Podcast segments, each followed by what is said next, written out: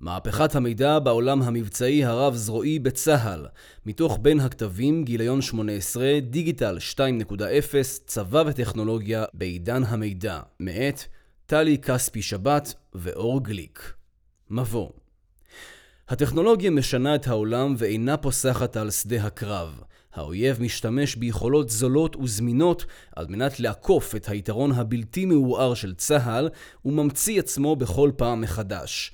על מנת להתמודד עם האתגר, מטמיע צה"ל עוד ועוד אמצעים טכנולוגיים בתהליכים מבצעיים, ועדיין נראה כי על אף כוח האדם והיכולות הטכנולוגיות המרשימות, העולם המבצעי הרב-זרועי בצה"ל עומד נבוך למול יכולות האויב. מהפכת המידע הינה מהפכה מתמשכת בעלת פוטנציאל.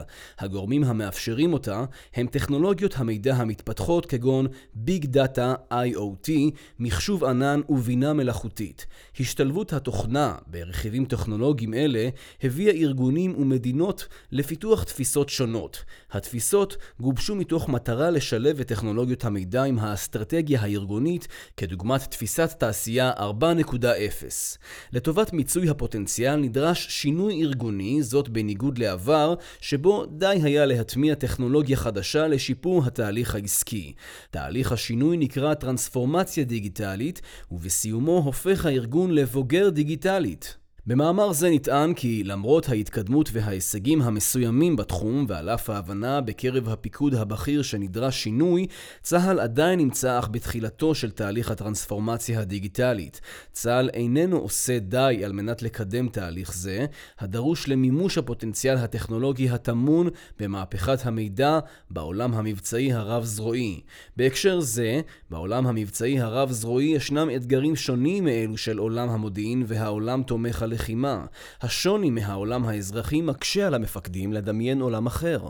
המעורבות של שתי זרועות לפחות הפועלות בסטנדרטי ארכיטקטורה שונים בכל תהליך מקשה על המשילות. במקרים רבים הפעילות מתבצעת בקצה טקטי, ברשת צרת סרט, ולעיתים אף בנתק, כך שהמידע אינו נאסף. הצורך בשילוביות בין פלטפורמות יבשה, אוויר, מודיעין וים רק מוסיף על האתגר. מסיבות אלו מתמקד המאמר בעולם זה. הצורך במודעות דיגיטלית. צה"ל הינו ארגון גדול, שמרני והיררכי, השרוי במציאות מבצעית. במציאות זו כל טעות עלולה להיות הרת גורל ולהביא להשלכות חמורות, ועל כן צה"ל אינו נוטה לקחת סיכונים. סגל הפיקוד הבכיר בצה"ל הינו בעל ניסיון מבצעי עשיר וותק רב בתפקידי שדה, אך הוא חשוף פחות לשינויים טכנולוגיים בעולם ולפוטנציאל הגלום בהם. בשילוב מבנה בניין הכוח הזרועי הקשיח שבו יש לכל לכל גוף תוכנית עבודה מאושרת בתחומו המחזקת את הקיים, מקשים מאפיינים אלו על נסיעה וטעייה ומתמקדים בפיתוח יכולות זרועיות מקומיות ובהעדפת הידוע והמוכח על פני הלא נודע. צה"ל הינו הצבא החזק והטכנולוגי ביותר באזור. ארגוני הטרור מאתגרים את צה"ל ופוגעים בעורף, אך עליונות צה"ל ברורה. בסביבה זו מתקשה צה"ל להגיע להבנה כי בכדי שיוכל לשמר את עליונותו ולממש את הפוטנציאל הטמון בו, נדרש שינוי תפיסתי עמוק. ההבנה קיימת באופן חלקי בקרב מפקדי היחידות הטכנולוגיות, במודיעין ובמקומות אחרים בצה"ל, אך מרבית המפקדים בעולם המבצעי אינם בעלי מודעות דיגיטלית. מודעות דיגיטלית היא ההבנה כי רק שילוב טכנולוגיות חדשות לתוך אסטרטגיית הארגון יאפשרו עמידה באתגרים, כדוגמת אתגר הלחימה התת-קרקעית, יצירת תפיסות לחימה חדשות המנצלות את כלל היכולות במרחב, ולא רק יכולות אורגניות, והפניית כוח אדם ממשימות טכנו-טקטיות למשימות מורכבות ואסטרטגיות. בלי ההבנה שנדרשים שינוי מהותי והאצת הטרנספורמציה, צה"ל עלול למצוא עצמו לא רלוונטי למול יכולות האויב. פוטנציאל מימוש מהפכת המידע בעולם המבצעי הרב-זרועי טכנולוגיות המידע המתפתחות בעולם הופכות כל חברה לחברה טכנולוגית וכל טכנולוגיה לטכנולוגיה משולבת תוכנה. בהתאם, יכולות האב בתוכנית הרב-שנתית גדעון, וככל הנראה גם בתוכניות הבאות של צה"ל, הן יכולות טכנולוגיות. מכאן שבצה"ל, כמו בארגונים ביטחוניים ואזרחיים בעולם המערבי, ישנה השקעה עצומה בטכנולוגיות המידע. הטמעת טכנולוגיות מידע בצורה מיטבית בארגון באופן שימצה את יכולותיהן ויאפשר שימוש בתוצרים ליצירת ערך חדש, דורש טרנספורמציה דיגיטלית. הטרנספורמציה מבגרת את הארגון מבחינה דיגיטלית. באמצעות חזון ברור, יכולות דיגיטל ותרבות ארגונית תומכת, מאפשרת הטרנספורמציה לארגון לממש יכולות בצורה מהירה ולהגיע לתוצאות שהיו בלתי אפשריות בשיטה המסורתית של יישום טכנולוגיות המידע. אין צורך במחקר מעמיק על מנת להמחיש את הפוטנציאל הבלתי ממומש של מהפכת המידע בעולם המבצעי. מספיק לצפות בסרטוני יוטיוב בשנות האלפיים המוקדמות המציגים טכנולוגיות חדשות, משקפיים חכמים, מדפסות תלת מימד, רובוטים שונים, רכבים אוטונומיים, טכנולוגיות לבישות ועוד. על אף שטכנולוגיות אלו קיימות כבר למעלה מעשור, הן אינן נמצאות בשימוש משמעותי בצה"ל. נוסף על כך, בעוד העולם מתקדם במהירות לכיוונים של שיתוף מידע ומשאבים וניצול המידע הנאסף לטובת יצירת ערך חדש, בצה"ל המגמה איטית במקרה הטוב, ובמקרים מסוימים אף הפוכה. מוכנות העולם המבצעי הרב-זרועי בצה"ל לתהליך הטרנספורמציה הדיגיטלית. נפתח בציון הגורמים המבדילים את צה"ל וארגונים ביטחוניים אחרים מהעולם האזרחי. ראשית, לאור רגישות המידע והתהליך המבצעי, הותוו בצה"ל נהלי מידור ואבטחה מחמירים, המונעים מצה"ל להשתמש ברשת האינטרנט ובענן האזרחי לצרכיו המבצעיים ומכתיבים עבודה ברשת הפנימית. זאת ועוד, המידור בין הזרועות ונסיבות אחרות גרמו לכך שבכל זרוע התפתחו כמה רשתות תקשורת בארכיטקטורה שונה ותחת הנחיות הגנה שונות.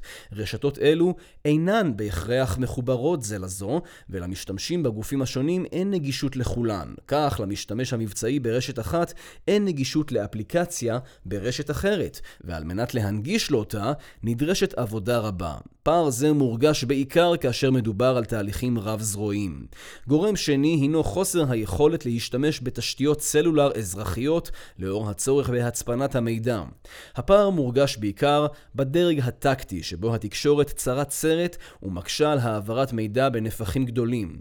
כדי שהתהליך המבצעי יהיה כפי שהלקוח רוצה לחוות אותו, על מנת לאפשר אינטרנט מבצעי רחב, נדרשת תקשורת רחבת סרט שמגיעה עד הקצה הטקטי. על התקשורת להיות שרידה, זמינה ומבוססת IP לכל אורך הדרך. אגף התקשוב מוביל בשנים האחרונות את פרויקט צה"ל רשתי, שמטרתו לחבר את בניין הכוח לתשתיות IT לכדי מאמץ רב-זרועי אחד. במסגרת פרויקט זה שואף צה"ל להביא למשתמש המבצעי תשתיות רשת קוויות וסלולריות ומרחבים משותפים.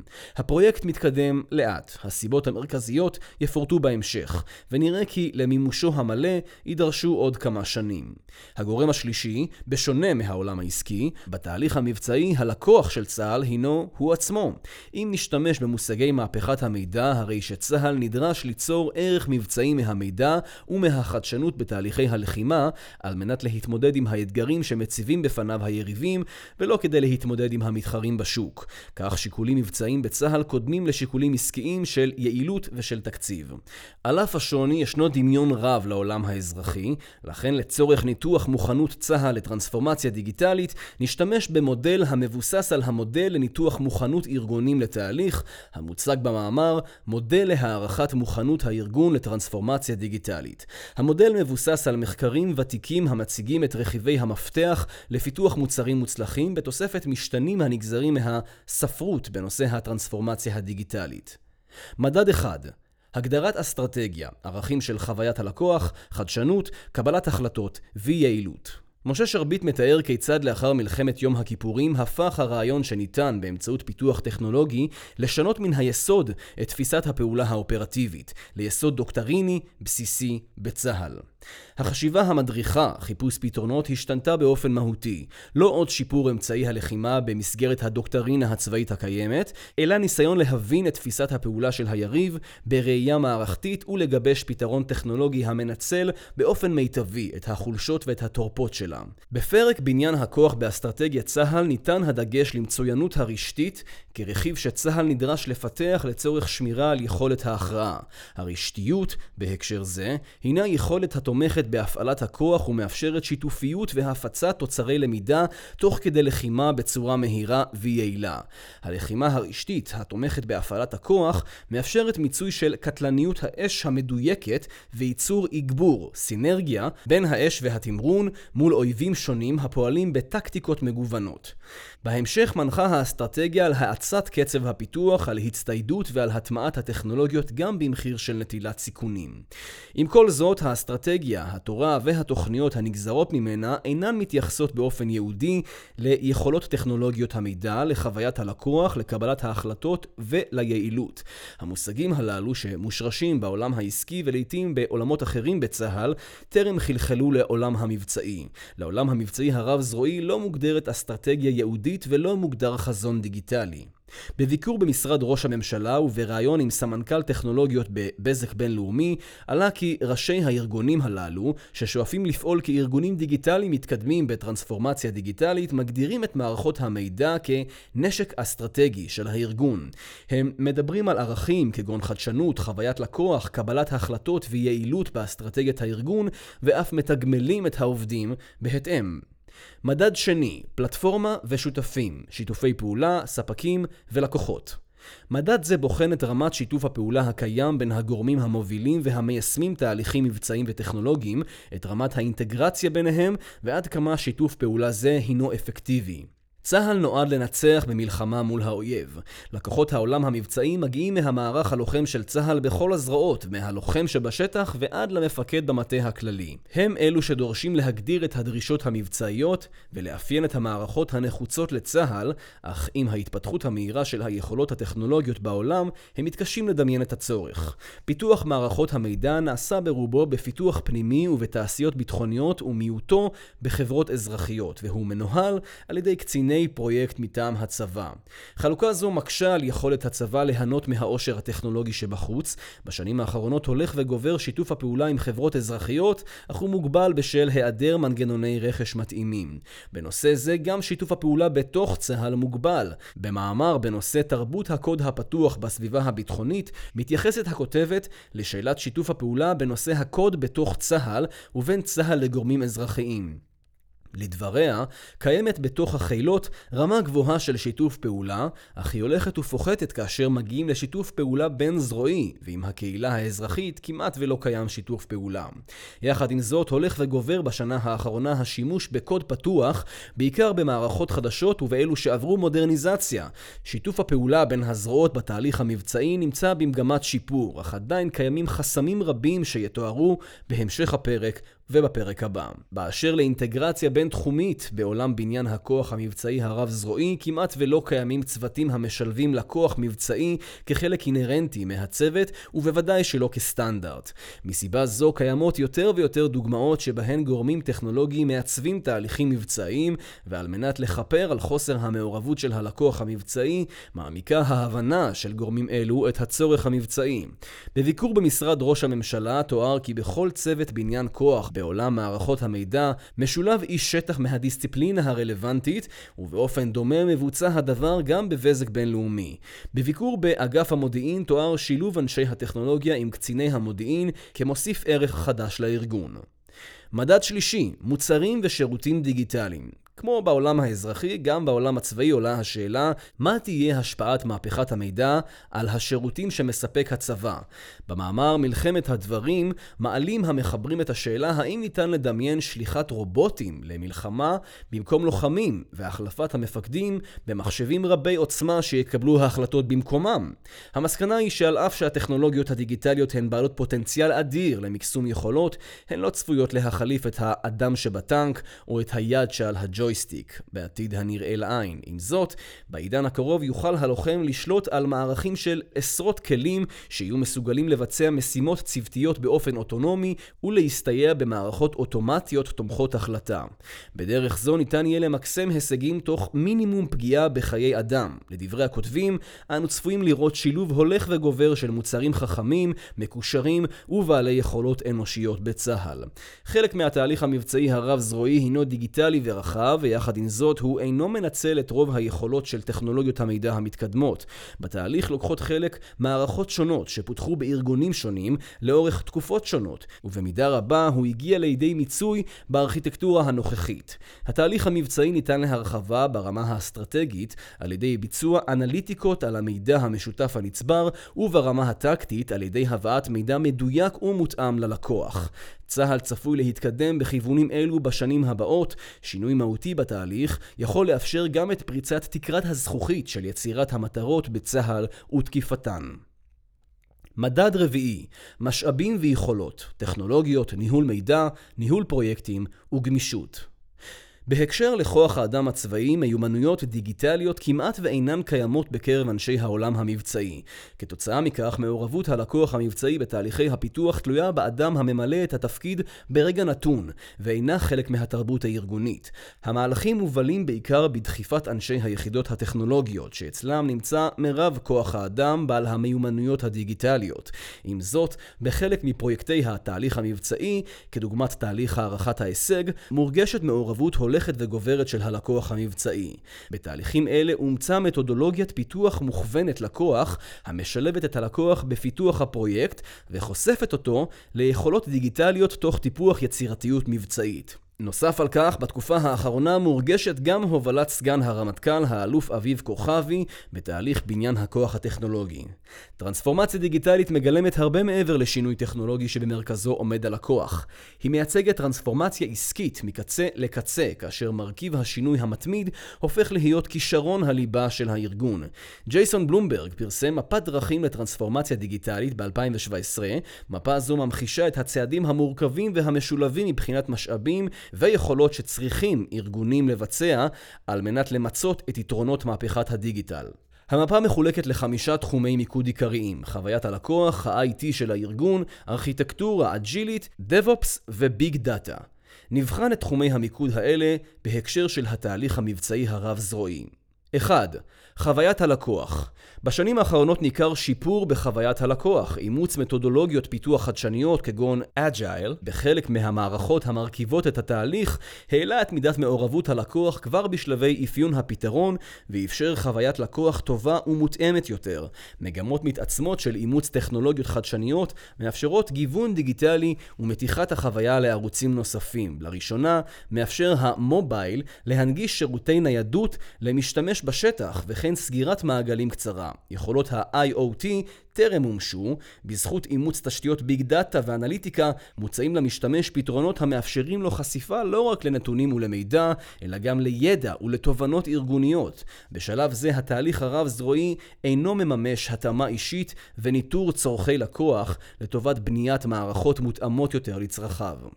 2. ה-IT, מערכות המידע של הארגון. צה"ל הוא ארגון IT במודל. במילים אחרות, צה"ל נדרש לפתח מערכות חדשות כדי להיות רלוונטי, ובו בזמן הוא עדיין נדרש להשקיע משאבים במערכות ישנות. חלק מהמערכות המרכזיות בתהליך המבצעי הן מיושנות, ומכיוון שהארכיטקטורה שלהן אינה מאפשרת התאמה מהירה לשינויים, היא מעכבת את ההתקדמות למערכות החדשות. בנושא הגנת המידע, אם בעבר נדרש כל גוף למענה הגנה ייחודי לאור ארכיטקטורות שונות, כיום המערכות המפותחות בארכיטקטורה החדשה מקבלות מענה הגנה מוכן, והנושא אינו מעכב את מימוש הפרויקטים.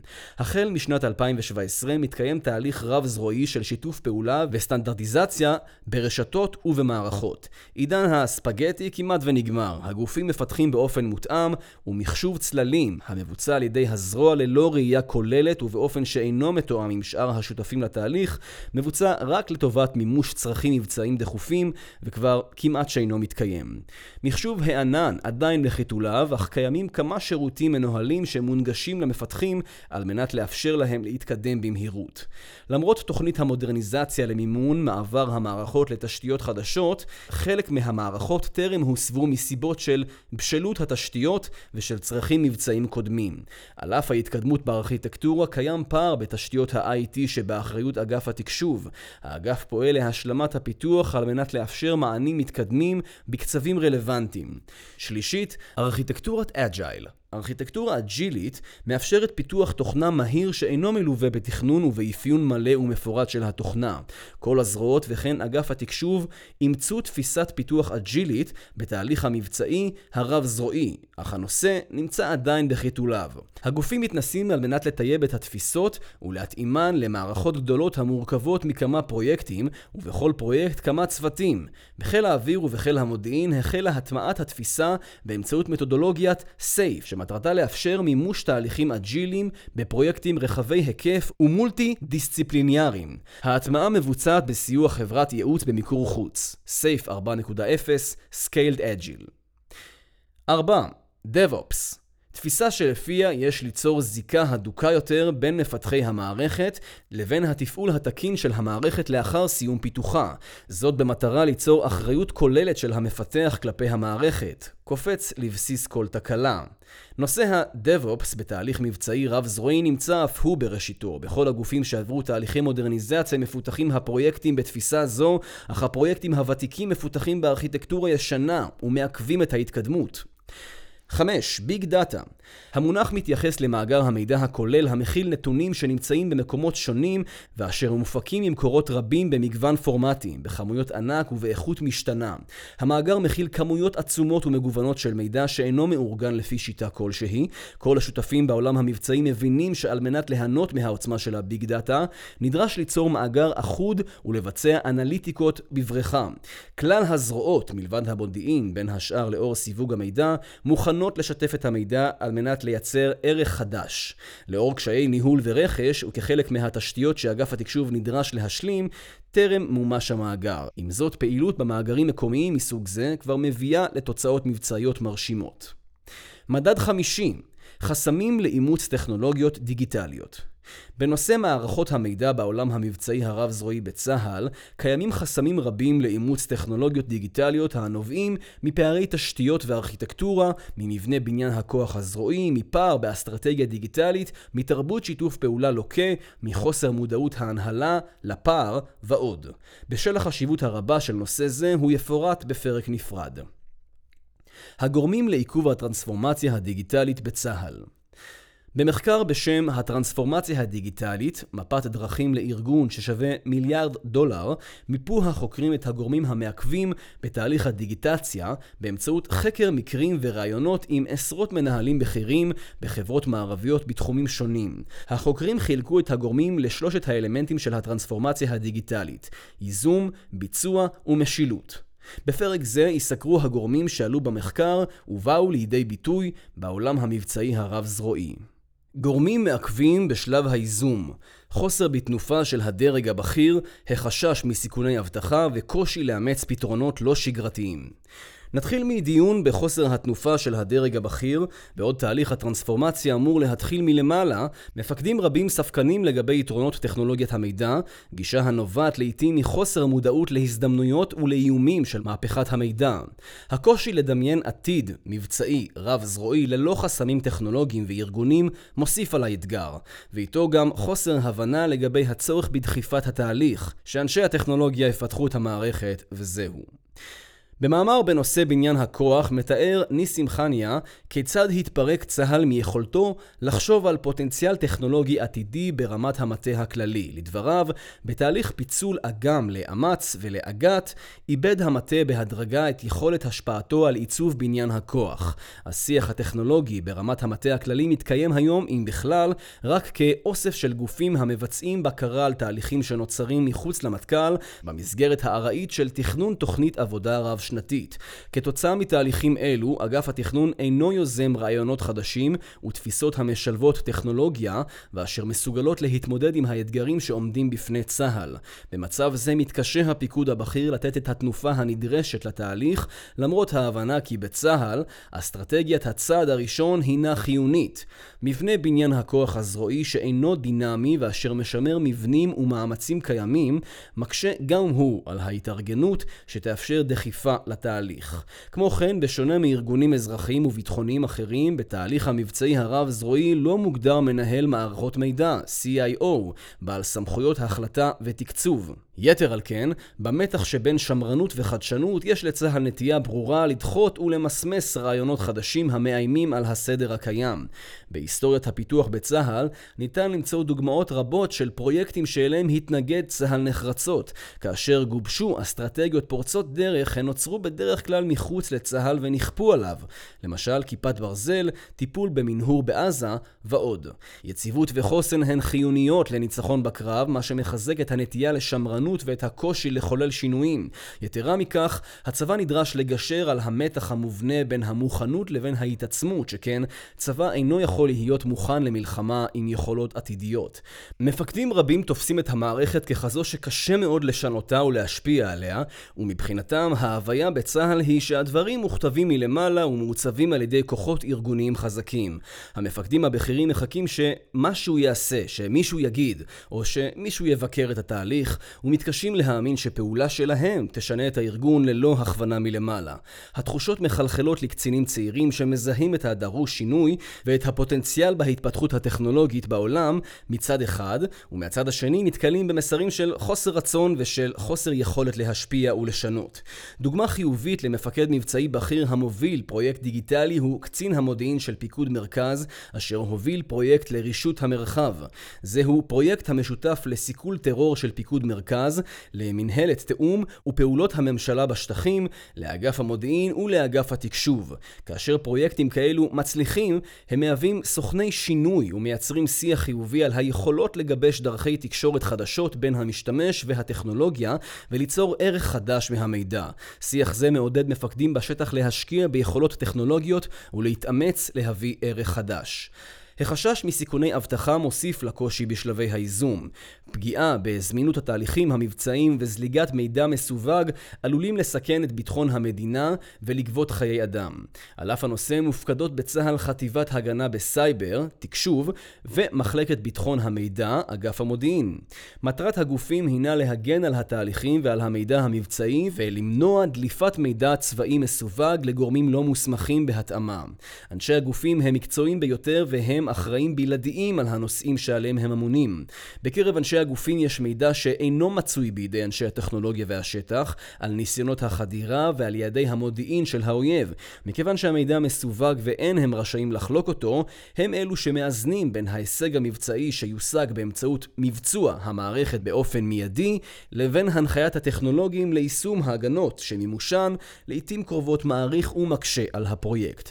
לבסוף, בתהליך המבצעי בצה"ל יש קושי לאמץ פתרונות לא שגרתיים. לצבאות קל יותר לאמץ שינויים שיש בהם תרומה מבצעית ממשית בטווח קצר, כגון מאמצי הצטיידות באמצעים קיימים ובסדק. לעומת זאת, הליכה לכיוון חדש לגמרי, שהערך המבצעי שלו אינו מבורר עד הסוף, בייחוד כאשר סל המשאבים מוגבל, היא פעולה קשה בהרבה.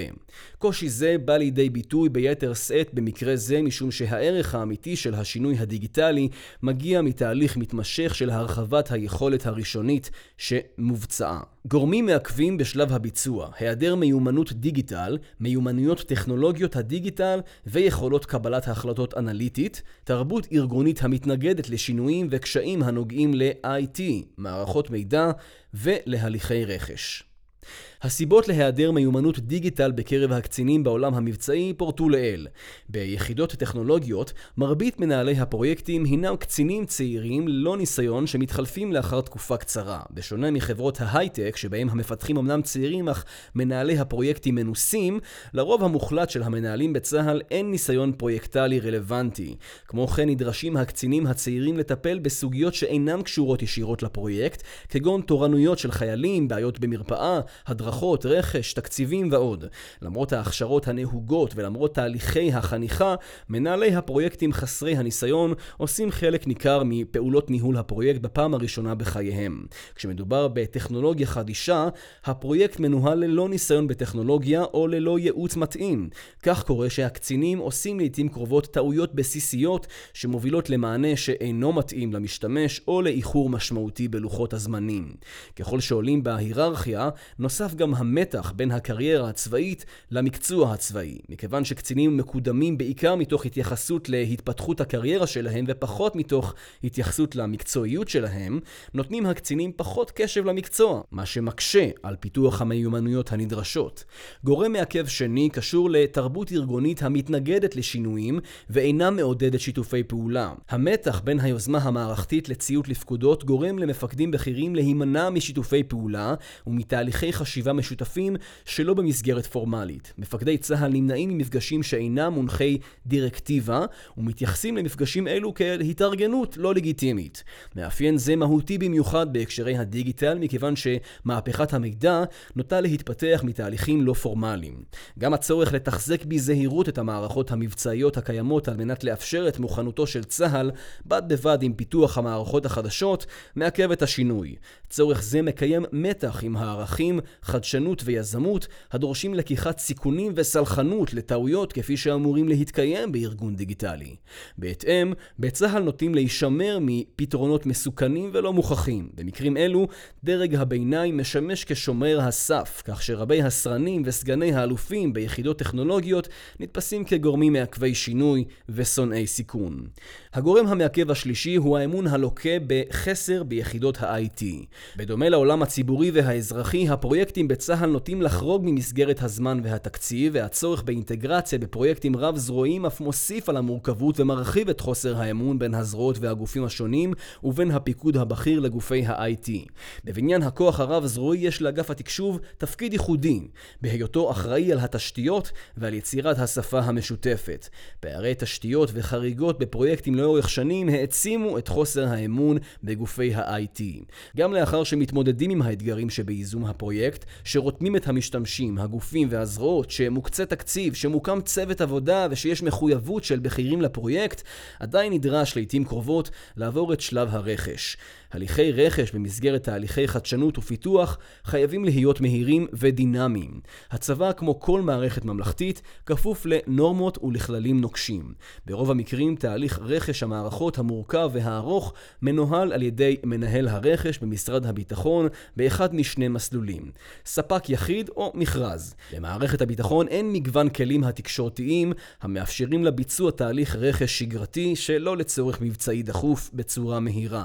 אין לה יכולת לפנות לחברות החדשניות ביותר, לתעשיות הביטחוניות או לחברות ההייטק, ואין לה מנגנוני התקשרות מודרניים המאפשרים מכרזים על מחקר ופיתוח, השקעה ללא תמורה במקרה של כישלון, טיפול בסיכון, טיפול בקניין רוחני וכן הלאה.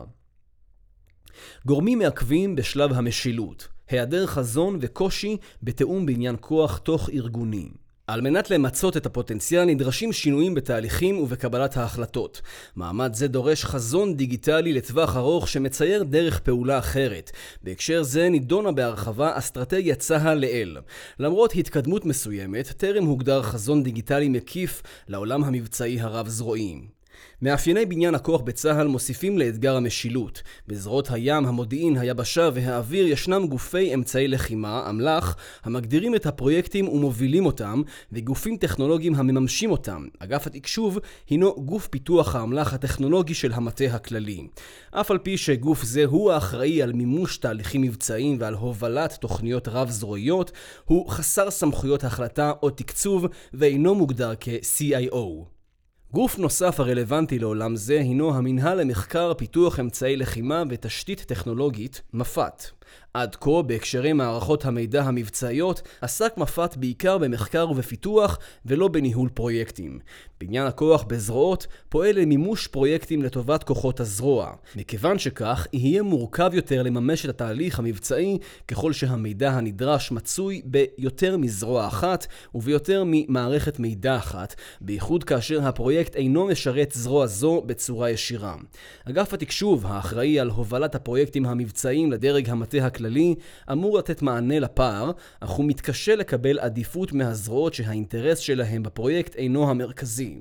נוסף על חוסר ההבנה של הצורך במעורבות אגף התקשוב, שהרי בתיאוריה אין צורך באגף התקשוב כדי ליצור תקשורת בין הזרועות, ולעיתים גם חוסר האמון בו, כפי שתואר לעיל, גם האינטרסים הפרטניים השונים גורמים לקשיים, במיוחד במימוש פרויקטים לטובת המטה הכללי. כך קורה כשגם כאשר מוקם גוף בין זרועי, צוות משותף להנבטת יוזמות ופרויקטים רב-זרועיים מבצעיים, אשר כוללים נציגים מהזרועות המעורבות, הוא אינו מצליח לממש את ייעודו. בהינתן תוכנית העבודה הרב-שנתית, עוסק המטה הכללי בעיקר בבקרה על התקדמות התוכניות ועל ניצול המשאבים, ופחות באיכות התוצרים ובפתרון המחלוקות בין הזרועות על מימושן. לעיתים רחוקות, כאשר לראיית סגן הרמטכ"ל מדובר בפרויקטים אסטרטגיים, הוא מבצע בעצמו בקרה על מימושם. חלק משמעותי מהצלחת השילוביות הרב-זרועית בהובלת אגף התקשוב מיוחס לסגן הרמטכ"ל באותה תקופה. 2007-2008, האלוף דן הראל. המחויבות וההובלה של אגף התקשוב לא הספיקו למימוש הפרויקט ונדרש שיתוף פעולה עמוק של הזרועות. אנשי הזרועות היו עסוקים במימוש פרויקטים זרועיים והתקשו להעניק לתהליך את הקשב הנדרש. בסופו של דבר, השילוביות יצאה אל הפועל בניהול ובבקרה הדוקה של הסגן, שניהל דיוני סטטוס משימות עם נציגי הזרועות. לבסוף, את צה"ל מאפיינת חשיבה תוצאתית שבבסיסה יעדים ומטרות שמהם נגזרים הפרויקטים. חשיבה זו מתאימה להתנפלות ולפתרון בעיות. כשפותרים כל בעיה באופן נפרד, מתקשים לראות את השלם. ניתן לפתור את בעיית הרשת או את בעיית המובייל, אולם קשה לטפל באופן מעמיק בארכיטקטורה וליצור את התנאים הנדרשים לביצוע הטרנספורמציה הדיגיטלית. בשל החשיבה התוצאתית, ישנו קושי בהענקת תשומת לב מספקת לתהליכים קבועים ומתמשכים. עקב כך מצטמצמת האפשרות לפתח חשיבה וכלים בעבור תהליכים ארוכי טווח, וממילא, בכל הקשור לתרבות ארגונית, מתגברת התחושה של ריצה במקום, השקעת אנרגיה גבוהה והתקדמות קטנה מאוד. לסיכום בחינת המוכנות לתהליך הטרנספורמציה הדיגיטלית בצה"ל, ניתן לומר כי בעולם המבצעי הרב-זרועי, צה"ל החל בתהליך. עם זאת, גורמים מבניים הקיימים בבסיס הארגון, בעיות בארכיטקטורה ובתשתית, תרבות ארגונית וגורמים נוספים שתוארו בפרק זה, מקשים על האצת התהליך ועל הבאתו למקום שנדרש היה שצה"ל יהיה בו בשנת 2018. עקרונות למימוש פוטנציאל מהפכת המידע בעולם המבצעי בצה"ל במאמר שבע ההחלטות המשמעותיות בטרנספורמציה דיגיטלית מתארים המחברים את שבע ההחלטות שנדרש לקבל מנכ"ל של ארגון על מנת לקדם את הטרנספורמציה הדיגיטלית. בפרק זה ייסקרו ההחלטות כפי שהן מופיעות במאמר, ולגבי כל החלטה תובא הצעה לדרך יישומה בעולם המבצעי הרב-זרועי בצה"ל. החלטה ראשונה, האמביציה של הארגון, לאן על צה"ל ללכת. קיום סדנת חשיבה למטה הכללי בעלת מסגרת ברורה, הצעה לדרכי פעולה, למידע ולניתוחים יאפשרו לייצר את החזון ולהגדיר את המסגרות הנדרשות לדחיפת התהליך. במסגרת זו יוצגו הערכות מודיעין על יכולות האויב המתפתחות והערכות טכנולוגיות על היכולות המתפתחות בעולם. הסדנה תאורגן באמצעות צוות משותף ובה ינכחו נציגי טכנולוגיה ומודיעין מכל המגזרים, כמו גם נציגים מהאקדמיה. תהליכי החשיבה בסדנה בסדנה התבססו על היכולות החדשות שניתן לייצר באמצעות שימוש אינטגרטיבי בנתונים ובקישוריות. בין התרחישים שיוצגו בסדנה יהיו תרחישי לחימה ותהליכים מבצעיים דיגיטליים לחלוטין. סדנאות חשיבה דומות אמנם התקיימו בעבר, צה"ל 2025 לדוגמה, אך ההתקדמות הטכנולוגית בצה"ל ובעולם בשנים האחרונות מאפשרת קפיצה דרמטית בחשיבה וביכולת המימוש. בשונה מסדנאות העבר, נדרש להשתמש בתוצאות סדנה זו כדי לייצר חזון דיגיטלי מוחשי שיונגש לגורמי בניין הכוח ושילווה במסגרת מימוש ברורה. החלטה שנייה, יצירת תוכנית טרנספורמציה דיגיטלית. מי יוביל את המאמץ בעולם המבצעי הרב-זרועי?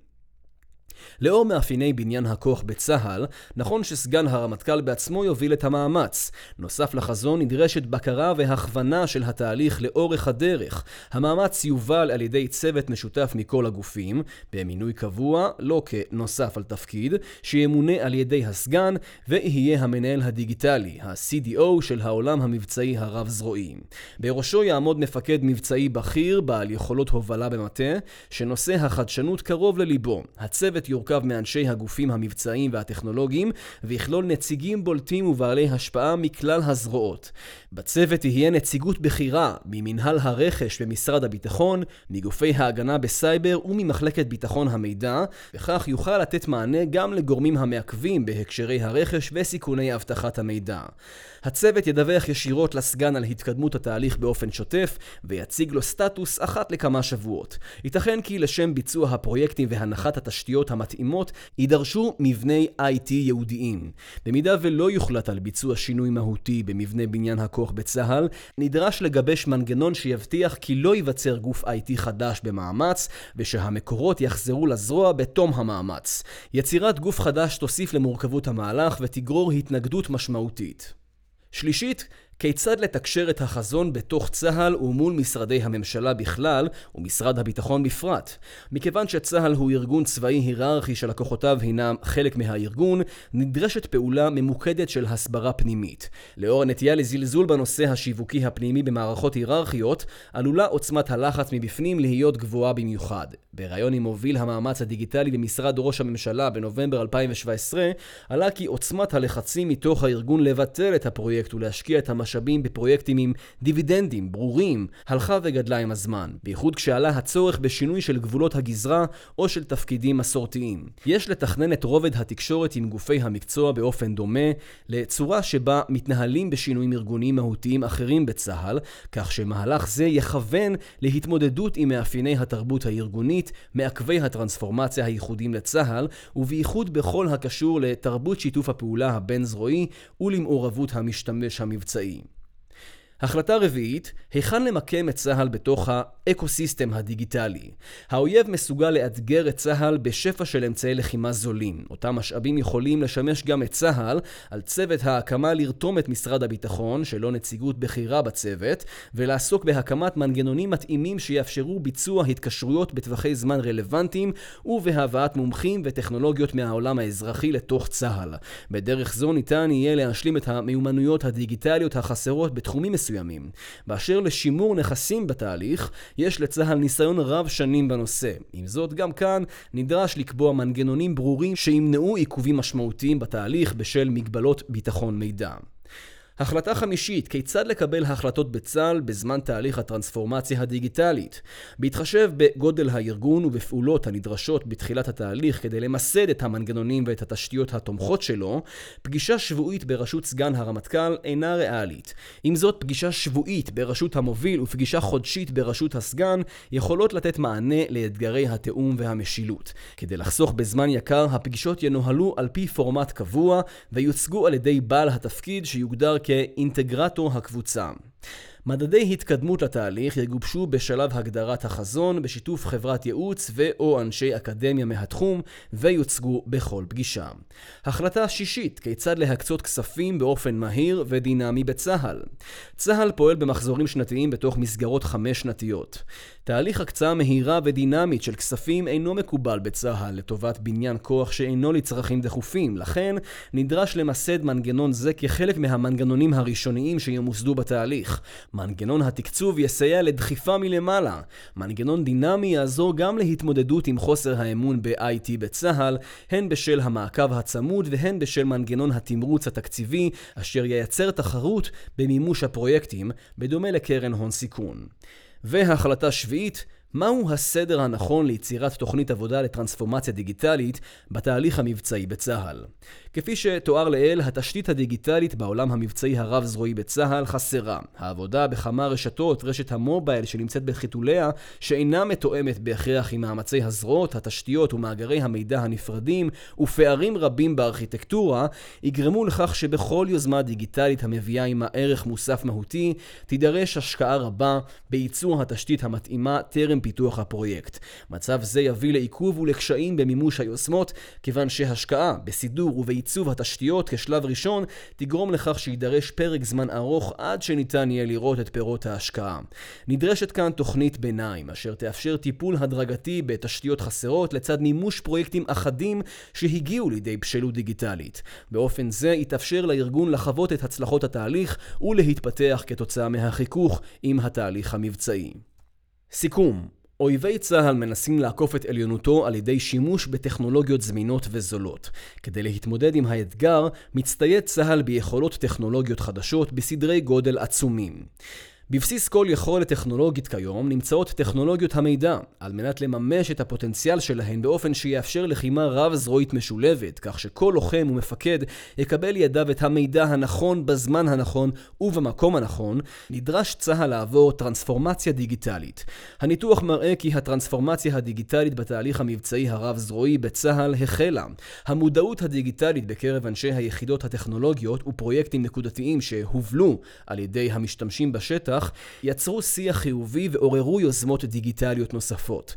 מודעות זו, נוסף לדחיפה מסוימת מכיוון הפיקוד הבכיר, הביאה את מפקדי היחידות הטכנולוגיות הנוכחיים לשתף פעולה בצורה שלא הייתה נהוגה בעבר בכל הנוגע לארכיטקטורת המערכות המבצעיות. כך, מפותחות המערכות החדשות בארכיטקטורה שמאפשרת קישוריות והגנות מתאימות. שיתוף פעולה זה הינו הכרחי, אך אינו מספיק. נדרשים דחיפה מלמעלה, תרבות ארגונית תומכת, יכולת ביצוע מהירה, שילוב באקו-סיסטם הדיגיטלי, מרחבים משותפים, תקשורת רחבת סרט עד הקצה ועוד, דרישות שאינן מתאפשרות כיום לאור הגורמים המעכבים. כארגון גדול, שמרני והיררכי מנסה צה"ל להטמיע טכנולוגיות בתהליכים קיימים בעולם משתנה. הוא מתקשה לממש את הפוטנציאל המהפכני הטמון בטכנולוגיות אלו בעולם המבצעי הרב-זרועי. ללא הבנה שנדרש שינוי מהותי ושאנשי הטכנולוגיה אינם יכולים לממש את הפוטנציאל לבדם, עלול צה"ל למצוא את עצמו לא רלוונטי למול יכולות האויב. מאמר זה הינו רק חלק מהמחקר הנדרש על מנת לממש בעולם המבצעי הרב-זרועי בצה"ל את מהפכת מהפכת המידע. תקוותנו שהוא יספק המלצות וכיווני המשך למחקר בנושא התאמת מבנה בניין הכוח של צה"ל, הארכיטקטורה, מנגנוני הרכש וקבלת ההחלטות לעידן החדש.